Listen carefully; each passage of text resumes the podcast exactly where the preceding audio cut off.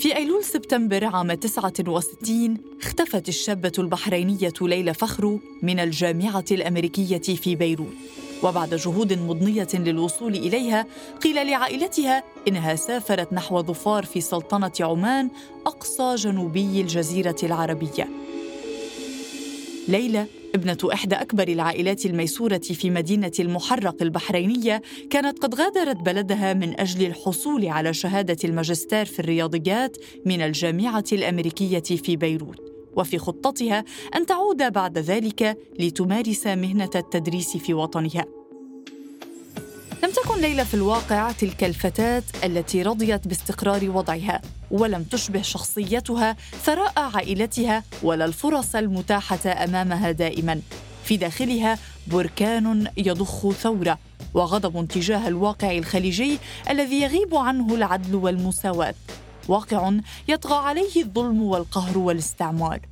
تسلحت بعزيمتها ومعرفتها وغادرت إلى ظفار معقل الظلم ومركز الصراع والأرض التي تلهبها الثورة. في ظفار بوابة عمان على المحيط الهندي كان على السالك أن يشق طريقه بنفسه. فالمنطقة الخاضعة للاستعمار البريطاني خلت من الشوارع بسبب تعمد إبقائها أبعد ما يكون عن التطور.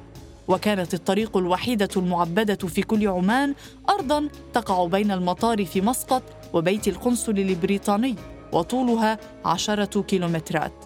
وفي حين كان الثوار يشقون الطرقات ويهيئون البنى التحتية لتحضير إقليمهم للعصر الحديث خاضت ليلى فخر طريقا لا رجعة منه وشقت طريقا لجيل بأكمله نحو المعرفة والعلم والوعي السياسي نحو عالم خارج هذه التلال الخلابة التي حولها الاستعمار إلى حصار وحاجز أمام نهضتهم.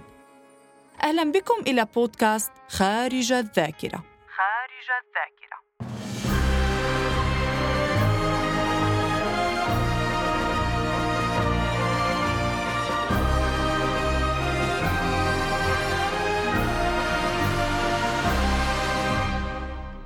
بينما كانت بريطانيا تضخ الحياة في أنابيب النفط إلى مملكتها الأطلسية كانت تمعن في إغراق أهل الخليج بالجهل والفقر والتخلف القبلي.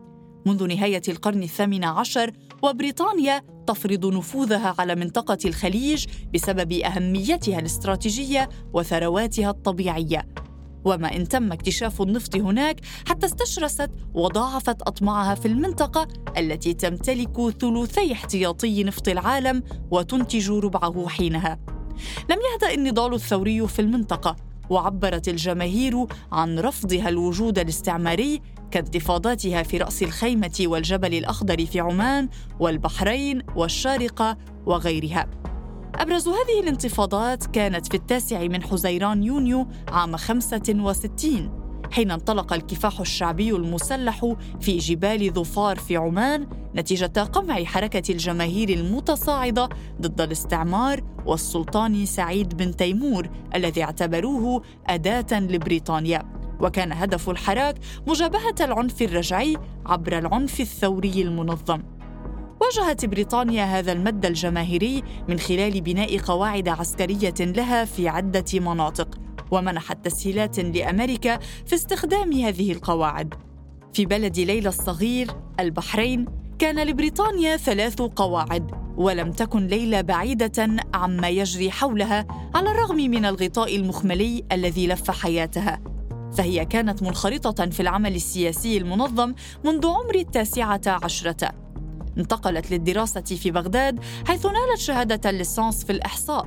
هناك أيضا انخرطت في العمل السياسي الذي رافقها إلى بيروت حيث سافرت من أجل الحصول على شهادة الماجستير من الجامعة الأمريكية.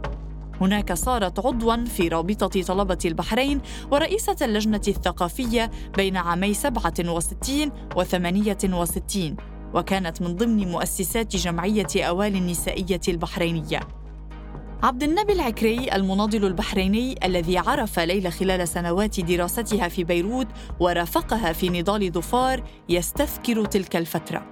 منذ مرحلة الدراسة الجامعية في بيروت اختطت طريقا متميزة طريق النضال الوطني في ظروف العمل السري المحفوف بالمخاطر. فانتمت إلى القوميين العرب وانحازت إلى التيار اليساري فيه الحركة الثورية في عمان والخليج.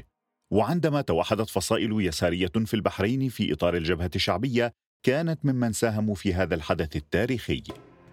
في عام 69 عزمت ليلى الرحيلة من أجل تتويج أفكارها الثورية بالنضال الحقيقي في منطقة ظفار العمانية. في الجامعة في بيروت كان أبناء ظفار يروجون للثورة المتقدة هناك. ويبدون حاجتهم إلى كوادر جريئة تخوض تجربة ثورية استثنائية تؤسس لعالم حديث. عزمت ليلى أن تكون بين بناة المستقبل الحلم. تركت الجامعة وغادرت عبر عدن اليمنية إلى ظفار حيث التحقت بصفوف الجبهة الشعبية لتحرير عمان والخليج العربي. يقول زوجها عبدلي العبدلي: هذا هو أسلوب ليلى في كل حياتها، المزج الإيجابي بين الجرأة والمغامرة. كانت الرحلة من بيروت إلى ظفار بمثابة العودة بالزمن من الحضارة والتطور إلى البدائية. حتما لم يكن في خطة ليلى الانخراط في العمل العسكري وكان هدف حربها القضاء على الجهل وتجهيز المجتمع للعيش في كيان حر قادر على إدارة نفسه والنهوض والتطور كانت تؤسس لما سيلي مرحلة الحرب العسكرية ومن سيحمل شعلة النهضة التي سيخلفها انتزاع التحرير من خلال الحرب والعنف الثوري. في معسكر الثورة عينت ليلى مرشدة سياسية للنساء وساهمت في حملة ضد ختان البنات المتأصل في ظفار وأصدرت الجبهة قرارا يقضي بمنعه لاحقا. كذلك نشطت لوقف ظاهرة التزويج المبكر الذي كان شائعا هناك. كان الأطفال في ظفار في ظل الحالة الثورية والحرب الدائرة يحتاجون إلى مأوى ومأمن وقائد يرشدهم إلى النور خارج دوامة الجهل التي فرضت عليهم. فكانت لهم هدى سالم الاسم الحركي الذي اتخذته ليلى أو كما يحب أن يناديها طلابها ماما هدى. وفعلا هدتهم إلى عالم المعرفة في دولة منعت عنها المدارس. ففي كل عمان حينها كان هناك مدرستان فقط هما المدرسة السعيدية في مسقط والمدرسة السعيدية في صلالة. وكانت المناهج تتم الموافقة عليها من جانب السلطان سعيد بن تيمور ويدرس فيهما القرآن الكريم والتجويد وتعليم الأركان الخمسة للإسلام بالإضافة إلى القراءة والكتابة والعمليات الحسابية مقاعد هاتين المدرستين كانت مخصصة لأبناء الذوات وكبار الموظفين. في البداية كانت هدى سالم جليسة هؤلاء الأطفال، أبعدتهم عن مناطق القصف والاشتباكات. وقع الاختيار على منطقة مرارة اليمنية القريبة من الحدود مع ظفار كي تكون المحطة الأولى في محو الأمية. وفي الأول من نيسان أبريل عام 70 أسست ليلى مدرسة الشعب وهي لا تعد عن كونها خيما قليلة في العراء يجتمع فيها نحو ستين طالبا. جلهم ممن يتموا في هذه الحرب. كانوا يتلقون الدروس ويسكنون في المدرسة. لذلك وجب عليهم تنظيم حياتهم من جمع الطعام والكساء إلى الطهو وتجميع الحطب وإحضار المياه والحراسة. وفي أسلوب الحياة هذا مدخل للحياة الاشتراكية التي يتساوى فيها الجميع ويتقاسمون المسؤولية. على الصعيد الأكاديمي لم يكن متاحا لليلى أي منهج تربوي تستند إليه فوضعت ليلى منهاجا مبنيا على معرفتها الخاصة. كانت تدونه بخط يدها وتقسمه إلى مواد. لاحقا استطاعت الجبهة توفير آلة كاتبة وساعدها بعض الطلاب في عمليات النسخ. بخط يدها وعبر خطتها الواضحة للمستقبل الذي يجب أن يكبر عليه هؤلاء الطلاب أسست هدى التعليم في عمان. زاد عدد طلابها وعدد مساعديها في التدريس منهم. كبر مشروعها فأصبحت مدرسة الشعب مدارس ثورية. أريدكم أن تكونوا الكوادر التي تبني البلاد. بلادكم ليس فيها أطباء أو مهندسون أو محامون.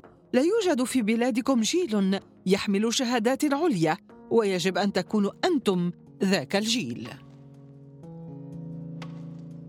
في أسلوبها كانت ليلى لينة ومبدعة. لم تقل لهم لا يجب عليكم بيع أخواتكم وإجبارهن على الزواج مثلا بل ألفت مسرحية وجعلت الصبية يلعبون دور الطفلة التي أراد والدها أن يزوجها عنوة بشيخ يكبرها بعشرات الأعوام. عاش الأطفال الممثلون والمشاهدون تجربة الظلم الذي يواجه الفتيات في تلك الفترة وانتهى السيناريو برفض الفتاة وهروبها إلى المدرسة. جراء هذه التجربة عاد الأطفال إلى ذويهم طالبين إليهم التخلي عن هذه العادات ورفضها وهم على قناعة تامة بإدانتها. هكذا بنت ليلى وعي جيل تقع عليه مسؤولية ثورية كبيرة من أجل انتشال بلده من الجهل. مدرسة الثورة خيار منحاز لا يعرف الحياد. فالجهل كان سلاح الاستعمار وبالعلم والمعرفة تبدأ مقاومته. اعتمدت ليلى الشدة مع أي محاولة للتراخي. أجبرت الطلاب على التحدث باللغة العربية الأم في مجتمع يتكلم اللغات الجنوبية المحلية مثل الحميرية والشحرية. ومن لا يلتزم ذلك كان يعاقب بالقيام بمهمات مثل إمضاء مناوبات أطول في الحراسة أو القيام بأعمال إضافية تستوجب جهدا كبيرا ووقتا طويلا. بفضل جهودها وتأثيرها أصبح كل من في المدرسة يتكلمون العربية بعد عام واحد فقط. الوصول إلى ذلك وحده كان شاقا لكنه سهل مهمة ليلى وكسر حاجز التواصل الذي كان إحدى العقبات التي واجهتها. ولم تكن اللغة وحدها تحديا بل كانت بيئة الأطفال مغايرة تماما لبيئتها. على المستويات الفكرية والثقافية والاجتماعية والاقتصادية. هي القادمة من عائلة ميسورة وجدت نفسها تعيش على وجبة واحدة في النهار هي عبارة عن حساء مكون من الماء الناتج عن غلي اللحم تتناوله في ظروف رديئة مع الغبار والتراب نظرا إلى طبيعة المدرسة. فقدت ليلى كثيرا من وزنها. كما أنها عانت بصورة أساسية الأمراض المعدية والمنتشرة في ظفار والبيئة التي تفتقد النظافة. هذا كله أنهك رئتيها اللتين تعانيان أساسا حساسية وضعفا. لكنها على الرغم من ذلك رفضت جميع مطالبات رفاقها بمغادرة ظفار وإكمال النضال في ظروف تلائم وضعها الصحي. أسست ليلى التعليم في ظفار وبنت منهجا في العلم والحياة ثائرا على الجهل والتجهيل. فخرجت الجيل الأول من حملة الشهادات الثانوية في عمان. هؤلاء يشغل عدد منهم مناصب رفيعة في عمان ولا يزالون يتفاخرون حتى اليوم بأنهم عيال هدى. أصبحت ماما هدى موضوع قصص وحنين إلى فترة مفصلية في تاريخ عمان. يتذكر الروائي المصري صنع الله إبراهيم أنه عندما كان في زيارة إلى ظفار اهتم بالاستماع إلى روايات كبار السن عما يتذكرونه من أيام الثورة. وخلال أشهر لم يجمع سوى نتف قليلة من قصصها إلا أن ما أذهله من كل ما سمع أنهم لا يتذكرون سوى اسم واحد. هدى. وعلى خلاف رفاقها وأهل ظفار الذين أحبوا الحديث عنها كانت ليلى مقلة في الحديث عن نفسها. يتحدث عن ذلك السياسي والمناضل البحريني عبد الرحمن النعيمي. ليلى هدى. تلك الفتاة التي وجدت في التمرد والثورة على الواقع راحتها. كانت تحلم بالكتابة عن تلك الفترة لكنها ترددت في الكتابة عن نفسها فلقد كان الحديث عن ذاتها عدوها الأول. رئتا ليلى خذلتاها في النهاية. وعانت فشلا رئويا أجبرها على مغادرة ظفار من أجل تلقي العلاج المتواضع في مستشفى عدن عام 72 وفشلت جميع محاولات عائلتها من أجل إعادتها إلى البحرين بهدف تسفيرها كي تتلقى العلاج في ظروف أفضل. فاستقرت في عدن وعملت في العلاقات الخارجية للجبهة. وبعدها أسست منظمة المرأة العمانية. مستمرة في نشاطها السياسي غادرت ليلى إلى بغداد ومن بعدها إلى بيروت مناصرة الثورة الفلسطينية وكل قضايا تحرر الشعوب العربية. وبعد الاجتياح الإسرائيلي للبنان في ثمانينيات القرن الماضي غادرت ليلى إلى قبرص وهناك أسست دار دلمون للنشر.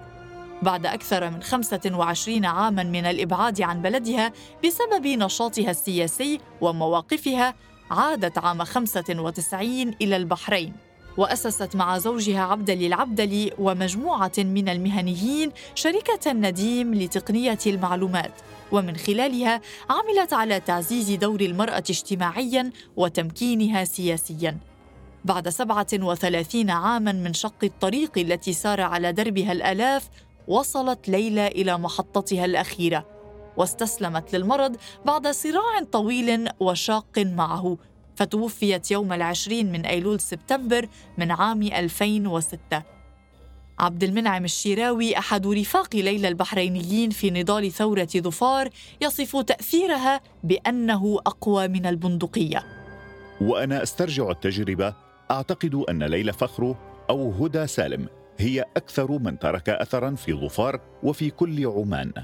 كلنا حملنا بنادق وكلنا شاركنا في الثورة لكن لم نكن نمتلك مثل أسرارها العجيب مثل نقائها الثوري مثل روحها المسكونة بغيرها مثل مشروعها النابض الذي تدين له كل عمان مثل توجهها المنقطع إلى نشر التعليم.